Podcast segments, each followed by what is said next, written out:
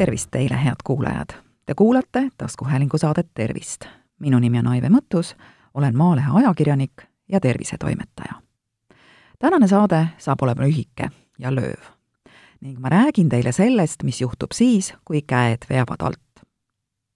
tõstes hommikul kohvitassi suu juurde või pestes hambaid, ei pööra me tänutundes tähelepanu kätele, mida kasutame ju nii iseenesestmõistetavalt ometi võivad valutavad käed teha kõige lihtsamatki toimingut piinarikkaks. meie elukvaliteet on otseses sõltuvuses käte heaolust. põletikuliste käeliigeste tõttu on raske kanda poekotti ning sõrmede ja kogu käte deformatsioon võib teha raskeks lihtsamadki igapäevased tegevused nagu riietumine või noa ja kahvliga söömine. põletikulised liigesed ehk artriit, rahvakeeli siis reuma, on üks üsna levinud krooniline haigus. peaaegu igas suguvõsas põeb seda keegi. artriidi vorme on rohkem kui sada. tuntuimad neist on reumatoidartriit ja osteoartriit.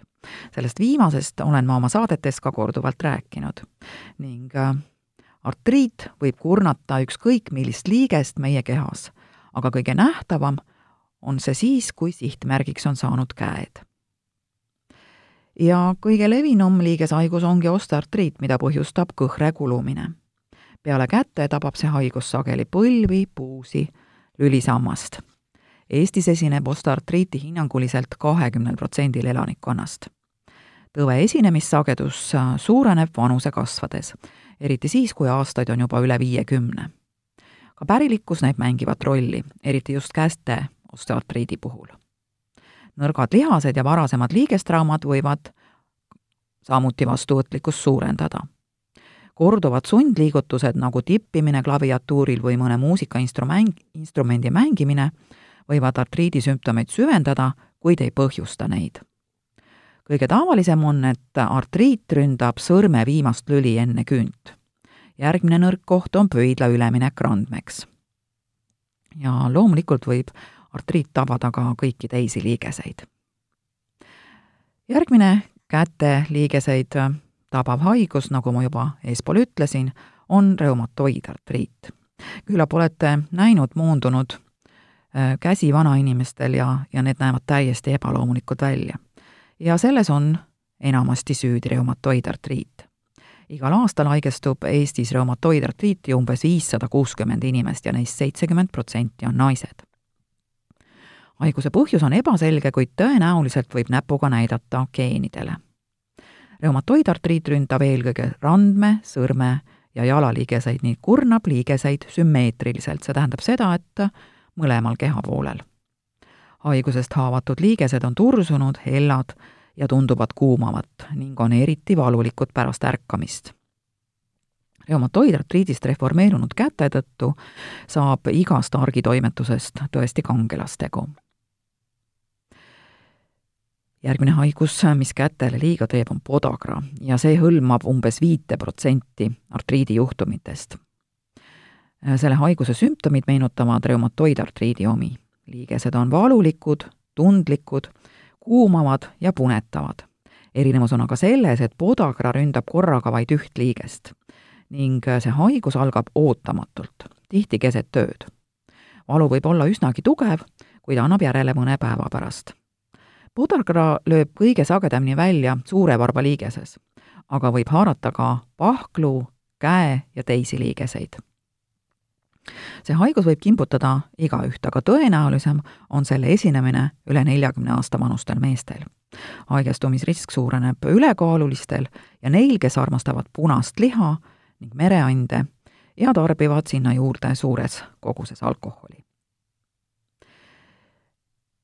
pseudopodraga on ka üks tülikas haigus ja nagu selle haiguse nimigi ütleb, on tegemist podagra sarnase haigusega, mida küll põhjustavad muud asjaolud, kuigi sümptomid on samad.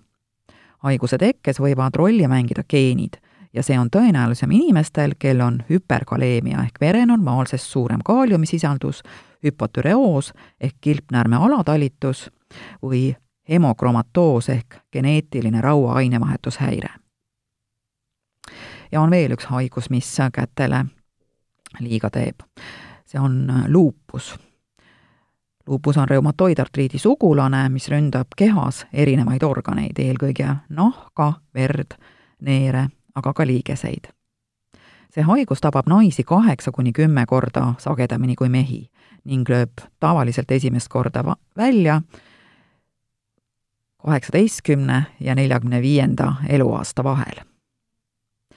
Pean ütlema, et ka minul endal on tulnud üsna tihti tegemist teha käeligeste valulikkusega ja seda sellise haiguse tõttu nagu borrelioos, olen seda mitu korda oma elus saatuse tahtel põdenud ja pole alati mitte ilmunud minu nahale seda tüüpilist borrelioosi laiku, vaid olen haigusest teadlikuks saanud siis, kui sõrmede liigesed on järsku väga tursesse läinud ja valulikuks muutunud ning arsti juurde minnes analüüsi tehes selgubki, et taas on borrelioos mind rünnanud.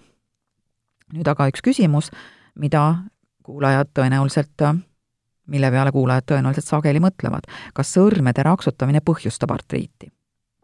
no selle peale võivad sind tabada küll kaaslaste jälestavad pilgud, kuid artriiti see tõenäoliselt ei põhjusta.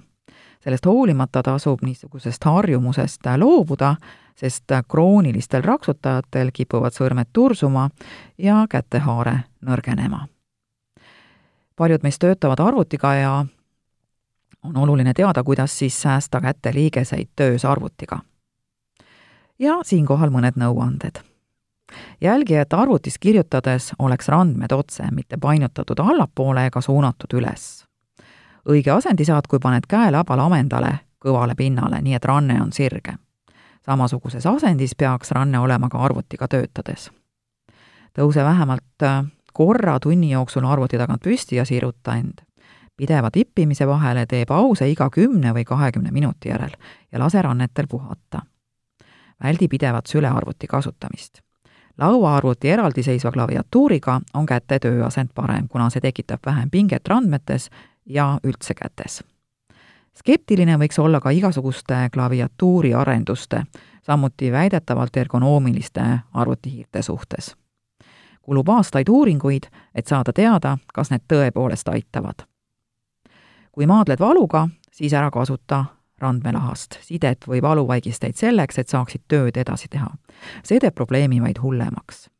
toesta ranne puhkeajaks, näiteks ööseks. Aseta monitor otse enda ette silmadega ühele kõrgusele või natukene allapoole. võimaluse korral pane klaviatuur reguleeritavale alusele, nii et su käelabad on põrandaga paralleelselt, randmed otse, samal joonel käsivartega ning küünarnukid painutatud üheksakümnekraadise nurga all talje kõrgusel kasuta reguleeritavat tooli, millel on kaarias esiosa ning hea ala- ja ülaselja toestus. reguleeri tool nii, et põlved on pisut madalamal kui puusad ja täistallad maas. Arvutihiir peaks olema arvuti kõrval küünarnuki kõrgusel. vajaduse korral kaalu häälega juhitavate arvutiprogrammide kasutamist. no otse loomulikult soovitan ma oma saates, mis käsitleb tõenduspõhist meditsiini, artriidi raviks kasutada tõenduspõhiseid võimalusi. kuid äh, on olemas ka alternatiivravi variante ja vaatame, millised need siis on. Inimesed, kel on krooniline ja valulik artriit ning kes ei saa tõenduspõhisest meditsiinist piisavalt abi, pöörduvad tihti alternatiivmeditsiini poole. nagu igasuguse raviga, on ka sellega nii, et mõni leiab leevendust ja mõni mitte. kahe tuhande üheteistkümnendal aastal tehtud ülevaade, mis põhines üheteistkümnel uuringul, näitas, et joogaharjutused võivad artriidi sümptome leevendada. just siis liigeste paistetust, tundlikkust ja valulikkust. Ja kui sa tõesti tahad joogaga tegeleda, siis vali mõni leebev joogavorm ja ideaalis õpetaja, kes tunneb jooga ravivorme. nõelravi on iidne Hiina ravikunst, mis on saanud populaarseks valu leevendajaks. sellest võib olla tõesti abi ja mitte ainult artriidi, vaid ka näiteks podagra korral. eelistades Vahemerelist menüüd, kus on rohkelt puu- ja köögivilju, kala, täisteratooteid ja oliivõli, on võimalik vähendada reumatoidartriidile iseloomulikku valu. viimase kümnendi jooksul tehtud uuringutes on positiivseid tulemusi näidanud ka mõningad toidulisandid no kirjutatakse, et kurkum võib olla sama tõhus kui ibuprofeen põlvede osteoartriidi korral glükoosamiin ja kontroitriin leevendada käte osteotiiti ning vähendada nende hommikust jäikust. kuid äh, siinkohal oleksin ma tõesti skeptiline ja ütlen, et tehtud on ka korralikke uuringuid, mille põhjal väidetakse, et need toidulisandid pole siiski tõhusad abimehed. kogu see tänane saate jutt pärines ajakirjast Tervis pluss ja seal avaldatud loo autor on ajakirja peatoimetaja Heidit Kaio. head kuulajad, te kuulasite taskuhäälingu saadet Tervist saate leiate Delfi podcastide pesast tasku, nutirakenduste Spotify, Apple Podcasts, SoundCloud ja teised. hakake jälgijaks ja kuulake just teile sobival ajal. ettepanekuid teemade kohta, mida saates käsitleda, ootan teilt e-posti teel aadressil tervist at maaleht punkt ee. minu nimi on Aive Mõttus, olen Maalehe ajakirjanik ja tervisetoimetaja. tervist teile!